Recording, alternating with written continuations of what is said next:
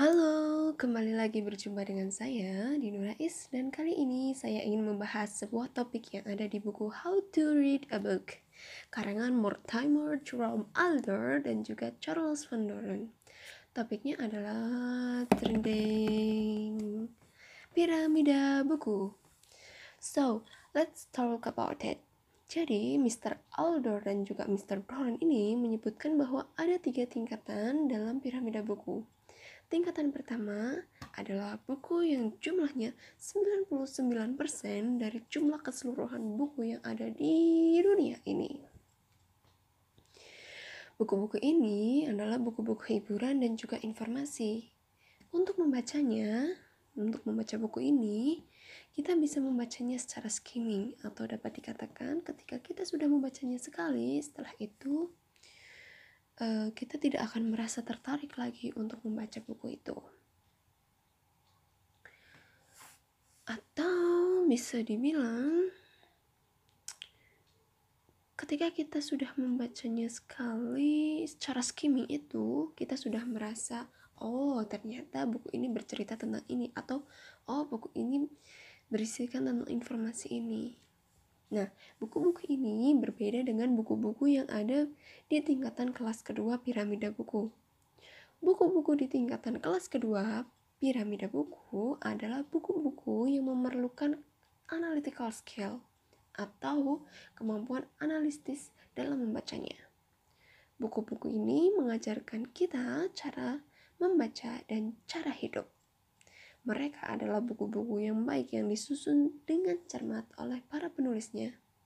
Jika kita terampil dalam membaca analitis, untuk membaca buku ini juga hanya perlu membacanya sekali secara analitikal.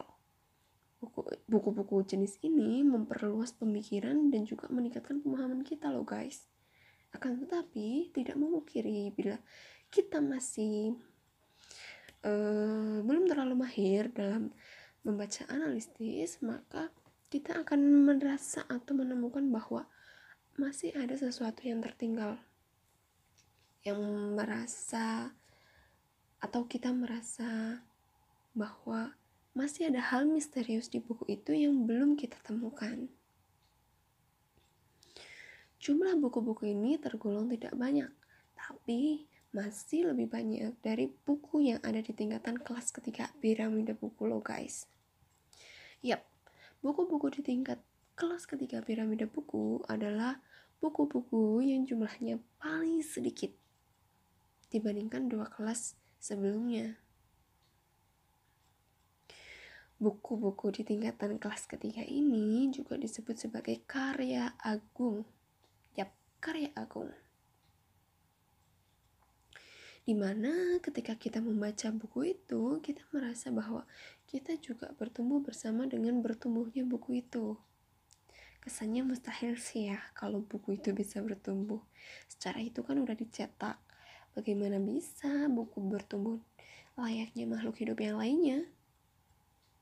Ya memang terdengar aneh sih tapi Mr. Alder dan juga Mr. Doran ini menyebutkan di sini bahwa buku-buku itu sejatinya ketika dibuat atau disusun itu sangat jauh kapasitasnya di atas kita atau topik itu topik yang dituliskan di buku itu itu jauh di atas kita banget banget banget nah tapi kenapa kita bisa membacanya?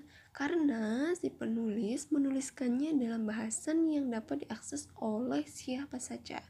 Ataupun bisa disebut siapa aja bisa baca buku itu karena buku itu bisa dipahami oleh siapa saja. Tapi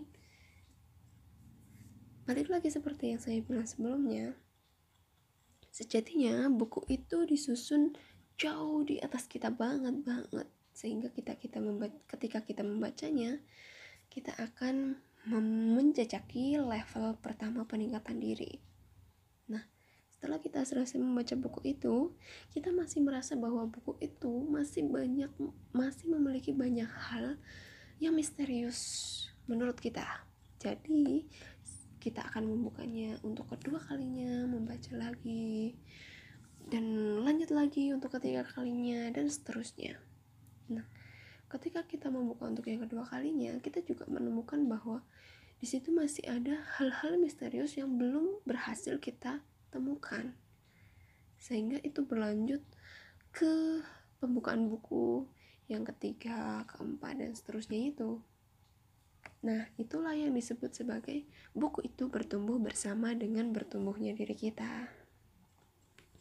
So guys, di buku How to Read a Book ini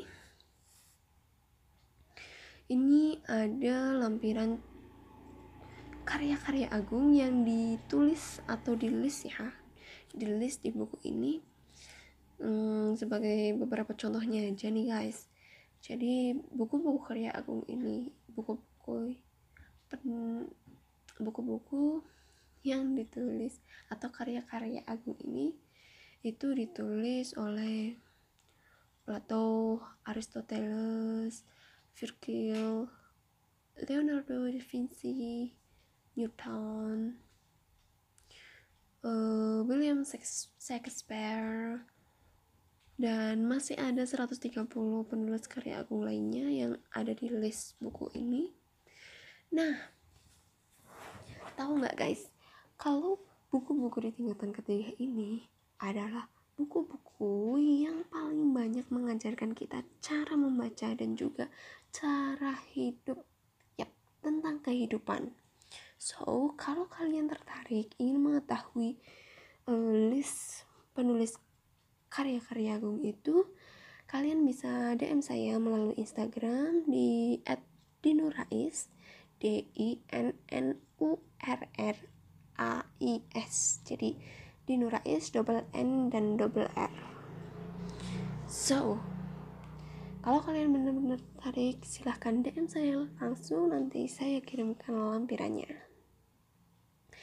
Well guys that's all about this topic today. Piramida buku.